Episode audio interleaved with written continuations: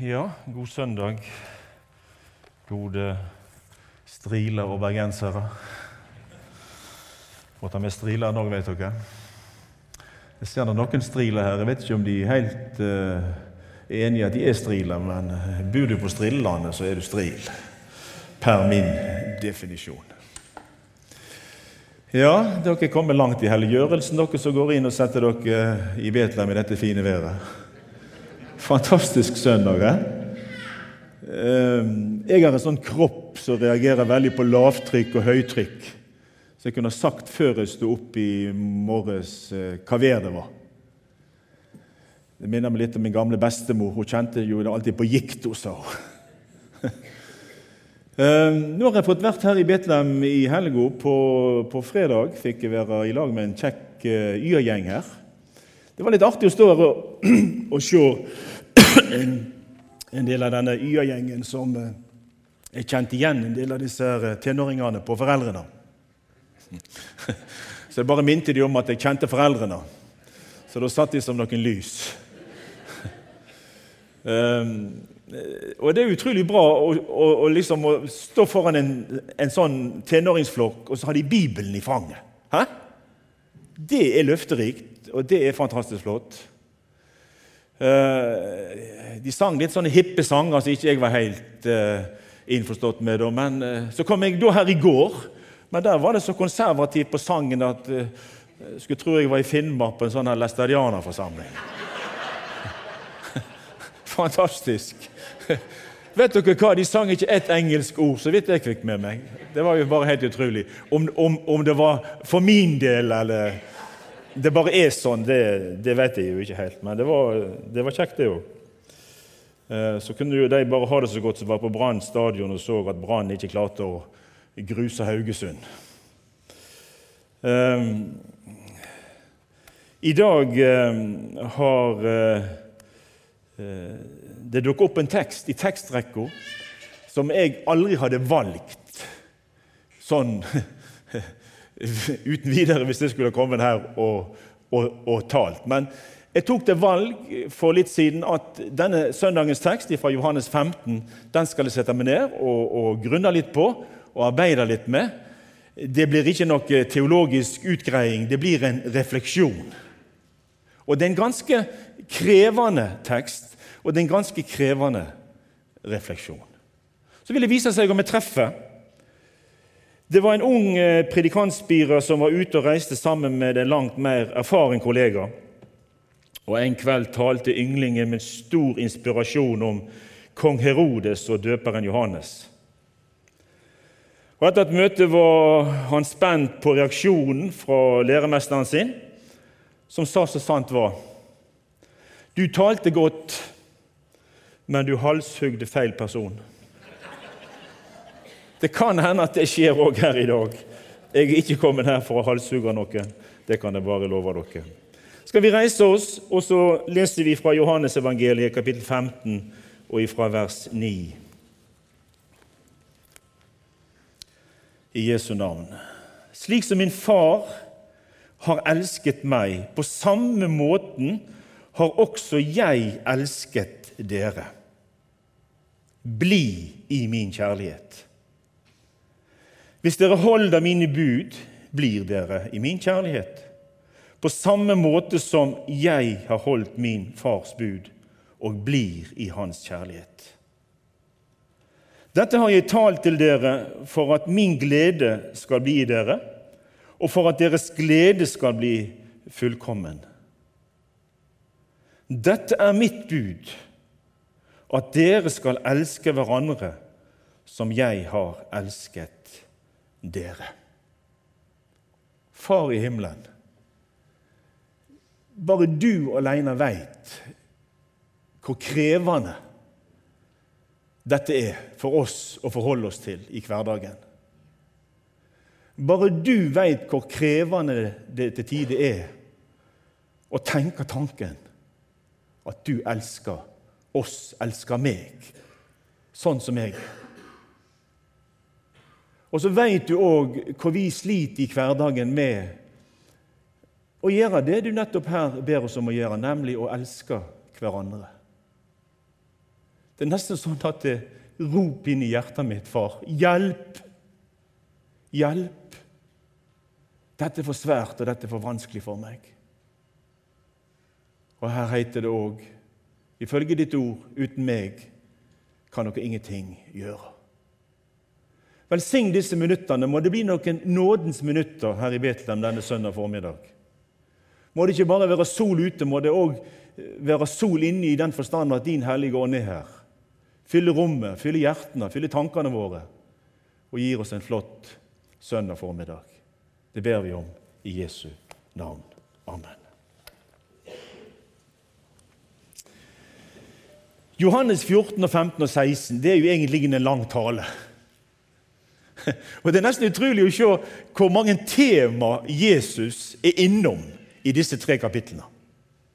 Du vet, Vi, vi predikanter vi, vi, strever jo veldig med å holde oss til, til ett tema og ha én tråd. Eller som vi lærte på bibelskolen, toppen tre punkt. Men Jesus var ikke så nøye på det. Og Paulus var heller ikke så nøye på det. Han er innom utrolig mange ting i løpet av kort tid og i løpet av få ord. Denne undervisningen her i Johannes 14, eh, 15 og 16, som også går over i, i eh, kapittel 17, er først og fremst en undervisning som Jesus retter mot sine disipler, læresveinene, apostlene, som de òg blir kalt. Jeg tror det er litt viktig at vi av og til tenker hvem sier Jesus ord til? Og hvorfor sier han akkurat det han sier? I de ulike settingene. Jeg tror at det vi nå har lest her fra Johannes 15, det er òg relevant for oss som sitter i Betlehem her i formiddag. Jeg synes alltid at slike tekster som berører relasjoner knyttet til kjærlighetsdimensjonen, er utfordrende og krevende. Er det bare jeg som har det sånn? Det gjelder både relasjonen Gud-menneske, Gud og meg, jeg og Gud. Tenk, han elsker meg. Og ikke minst i de mellommenneskelige forhold. Og elsker ubetinga i møte med mennesker og ulike situasjoner. Jeg skal gjøre en liten refleksjon og en liten undring i forhold til dette.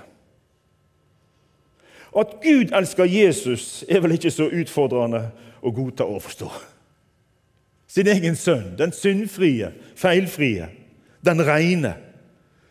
Og når han eh, trer inn i verden, så kommer Guds ånd tydelig og lydhørt for mennesker som sto rundt situasjonen og hørte 'Dette er min sønn, den elskede. I ham har jeg velbehag. Hør han.' Altså at Gud elsker Jesus, det er ok å på en måte godta og forstå. At Jesus elsker oss slik han er elsket av far, det er ikke lett å begripe seg på. Og jeg må bare si, Der er, der er sangstrofer jeg eh, ofte eh, tar med i mitt personlige bønneliv. Er sangstrofer 'Å, jeg undres' hvorfor Jesus stanset meg og opp meg tok. Hva så han i meg? Hva så han i meg? Som det er en så enorm avstand i forhold til Jesus, hva han var, hva han sto for. En, jeg har lyst til å sitere en sang før jeg går videre fra sangboken. Det står på sangboken på, på 76. Så var det ei kvinne i en forsamling som gjorde meg oppmerksom på et, på et tredje vers som ikke kommer med i sangboka vår. Og det er sangen 'Guds kjærlighet er langt, langt større'. En penn og tunge tolke kan. Den når høyt over himmelens stjerner og ned til dødens mørke land. Så dypt vi falt. Den sonet alt da Jesus døden led. Sitt fangne barn i syndens garn Gud frelste og ga fred.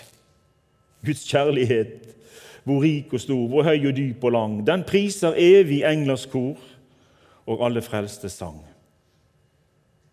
Om alle hav med blekk ble fylte, var himmelens hvelv av pergament. Og var en penn verdt strå på jorden, hver mann med skrivekunsten kjent. Å skildre rett Guds kjærlighet vil tømme alle hav. Og himmelens hvelv fra bryn til bryn ei plass til Skriften gav. Det var noe av det Johannes òg er innom i slutten av Johannes-evangeliet. Og Det tredje verset, som ikke dessverre står i sangboken. En gang når verdens alder ender, hver stjerne rokkes fra sitt sted. Når de som her fra Gud seg vender, der fjell og hauger faller ned. Guds kjærlighet skal vare ved, umåtelig og stor. Den favner alt, den har betalt for hver en synd på jord. Guds kjærlighet, hvor rik og stor, hvor høy og dyp og lang, den priser evig englers kor og alle frelstes sang. Dere har jo det så bra på veggen her i Betlehem. Vi elsker fordi Han elsket oss først. Det er noe å reflektere over, og det er noe å feste blikket på. Når Gud kan elske den falne verden, sier det mye om Guds vesen og karakter. Og Ofte så spør jeg meg hvorfor denne kjærlighet? Hvorfor denne vide, dype, breie kjærlighet? Sier Bibelen noe om det? Den forklarer i det minste ved ulike bilder kjærlighetens, gudskjærlighetens ubetingethet. Jeg tenker når eh, det blir fortalt oss i lignelsen i Lukas 15 om den bortkomne sønn, den fortapte sønn, så beskriver den Guds vesen, Guds karakter, Guds kjærlighet på en mesterlig måte, synes jeg. Jeg tenker òg situasjonen der Jesus henger på korset, på det midterste korset. Og to røvere er spikra på et kors på høyre og venstre side. og Han ene han ber tynt.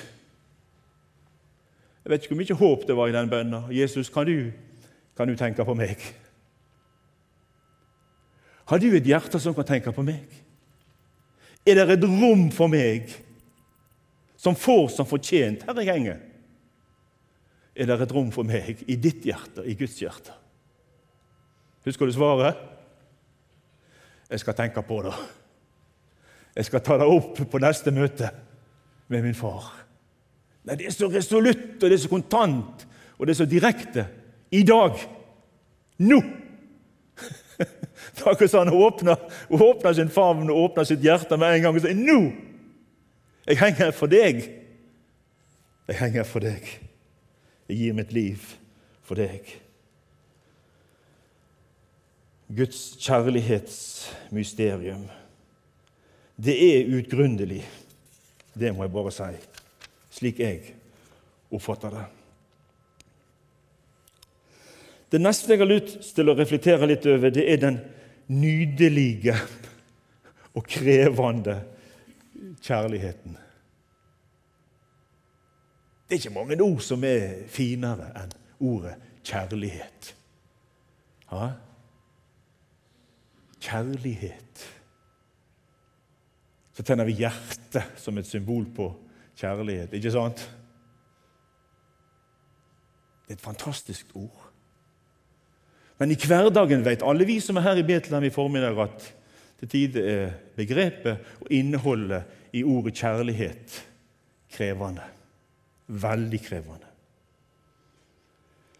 Og ordene 'elske' eller 'elske' er òg nydelige og samtidig krevende.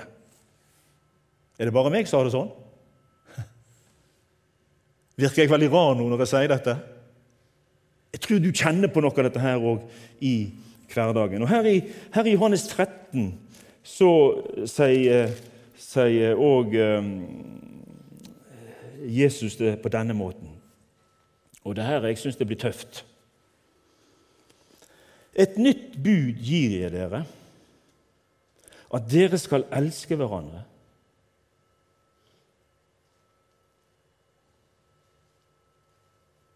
Slik jeg har elsket dere, skal dere elske hverandre. Altså, Han gir ikke deg og meg lov til å vurdere hvilken standard vi skal ha på vår kjærlighetsforståelse i forhold til vår neste. Han kniper oss inntil seg og gir klar melding. Slik jeg har elsket dere, skal dere elske hverandre. Av dette skal alle forstå at dere er mine disipler, om dere har kjærlighet til hverandre.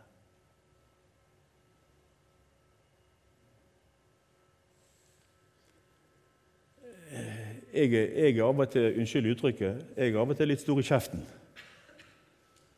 Sikkert bare meg som er det. Og så hender det at jeg møter noen som er stor i kjeften med meg. Og For litt siden så møtte jeg en sånn situasjon, og så tenkte jeg du snakker ikke sånn til meg. Men så måtte jeg jo tenke meg om at jeg snakker jo sånn av og til til andre. Jeg møtte meg sjøl litt i døra der. Men akkurat der og da når det sto på, så kjente jeg det. Du skal få. Du snakker ikke sånn til meg. Hvor var denne kjærlighetsdimensjonen, hvor var denne overbærenhetsdimensjonen i livet mitt akkurat der og da? Ja, Den bøtta den var i hvert fall tom akkurat der og da. Det kan jeg bare helse dere si. Og ordene 'elske' og 'elske' er òg knytta som sagt, mye følelser og mye sårhet til. Det er ikke, det, det, det er ikke få det er ikke få vers, det er ikke få ord i Bibelen som er knytta opp til dette med kjærlighet og elske og elsker. Like fra Bibelens første blad. Og eh, Jesus var jo inne på dette stadig vekk. Det var som, var en som etterlyste og Jeg lurer på om det er han som har skrevet en bok om temaet òg. Han har etterlyst bærpreikenens Jesus i forkynnelsen. Der er han veldig radikalt går løs på dette temaet. Men først nå fra Romerbrevet 13. Romerbrevet 13 underviser også Paulus noe av det samme temaet her. Elsk de neste, står det her som overskrift over vers 8. Bli ikke noen noen skyldig uten det å elske hverandre. For den som elsker sin neste, har oppfylt loven. Forbudene du skal ikke drive hor, du skal ikke slå i hæl, du skal ikke stjele, du skal ikke vitne falskt, og du skal ikke begjære. Og hvilket annet bud det skulle være, blir alle sammenfattet i dette ord. Du skal elske de neste som deg selv. Kjærligheten gjør ikke noe ondt mot sin neste. Kjærligheten er altså lovens oppfyllelse. Og Her i, eh, her i disse saligprisningene og og, og, og bergpreiken er det at jeg syns det går litt over stokk og stein når eh, Jesus eh, ber oss til og med å elske våre fiender. Jeg har av og til i mitt liv, der jeg har vært på farten hist og pist, møtt mennesker som lever i en veldig krevende hverdag, der de opplever konkret forfølgelse for sin skyld og for Jesu navns skyld. Men, men jeg har ennå til gode å hørt disse menneskene ytre seg med hat til deg de blir forfulgt av. Det må være nåde. Det må være Gud som virker det i disse menneskene sitt liv. I Matteus 5 og vers 44 sier Jesus det på denne måten. Kanskje vi skulle ha lest hele avsnittet fra vers 43. Dere har hørt det har sagt, du skal elske din neste og hate din fiende. Men jeg sier dere, elsk deres fiender, velsign dem som forbanner dere, og gjør godt mot den som hater dere, og be for dem som ondskapsfullt utnytter dere og forfølger dere. Oi! Slik skal dere være barn av deres Far i himmelen. For han lar sin sol gå opp over onde og gode, og han lar det regne over rettferdige og urettferdige. Hvis dere elsker den som elsker dere, hvilken lønn har dere da? Gjør ikke til og med tollerne det samme? Og hvis dere bare hilser på deres egne venner, hva mer enn andre gjør dere da? Gjør ikke til og med tollerne det samme? Derfor skal dere være fullkomne som deres far i himmelen er fullkommen. Få er så radikale på dette temaet enn Jesus, vår bror og vår frelser. Som til og med ikke bare anbefalte, han befalte å gå i ekstra mil. Når du syns gjerne det ble litt for krevende.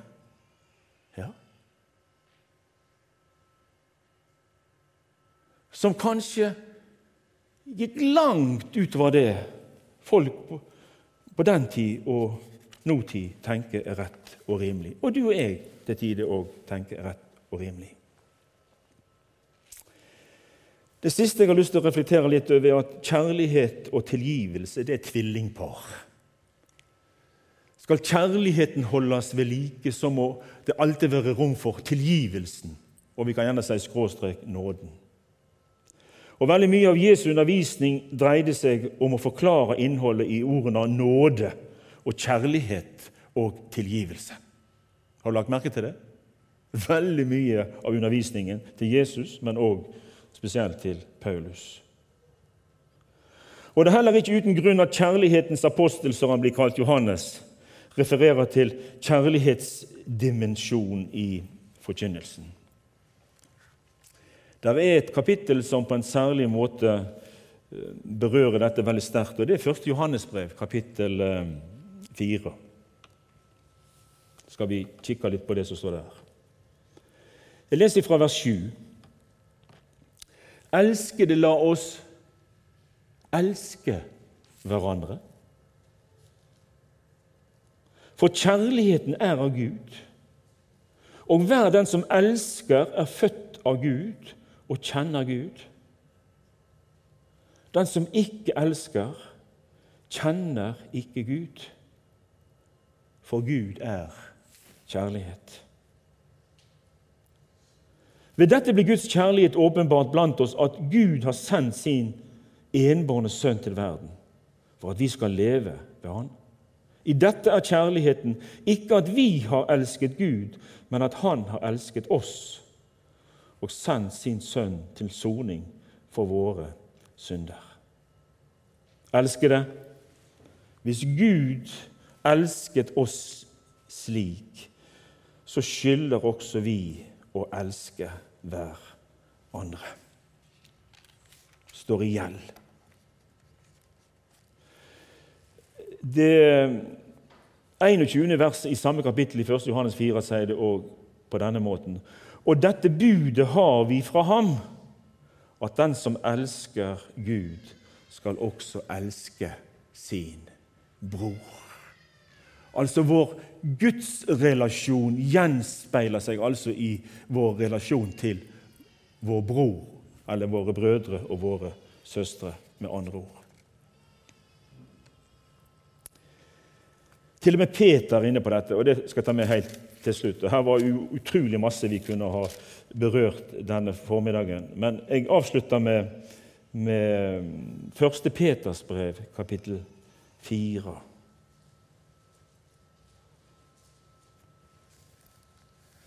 det var jo gutten som trynte han stadig. Gikk på en smell.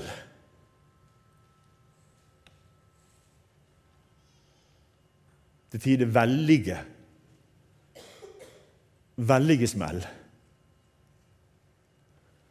Og så opplevde han gang på gang Der sto en med åpne armer og sa 'Kom'.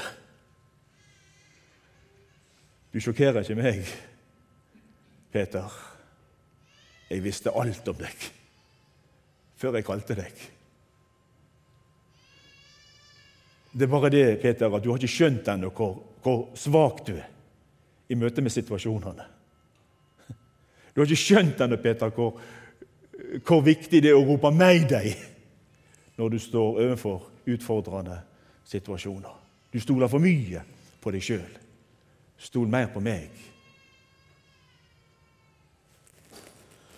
Og Noe av det tror jeg ligger i bunnen for det han sier her i 1. Peters brev, kapittel 4 og vers 8.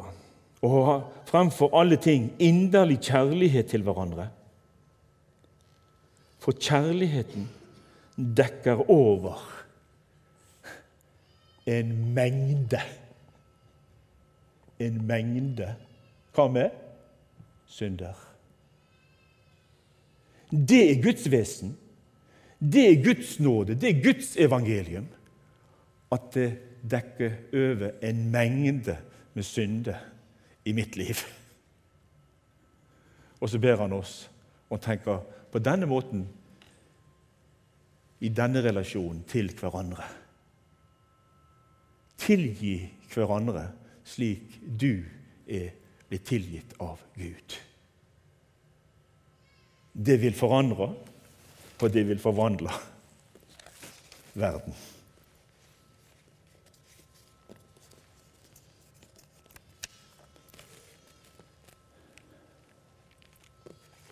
Amen.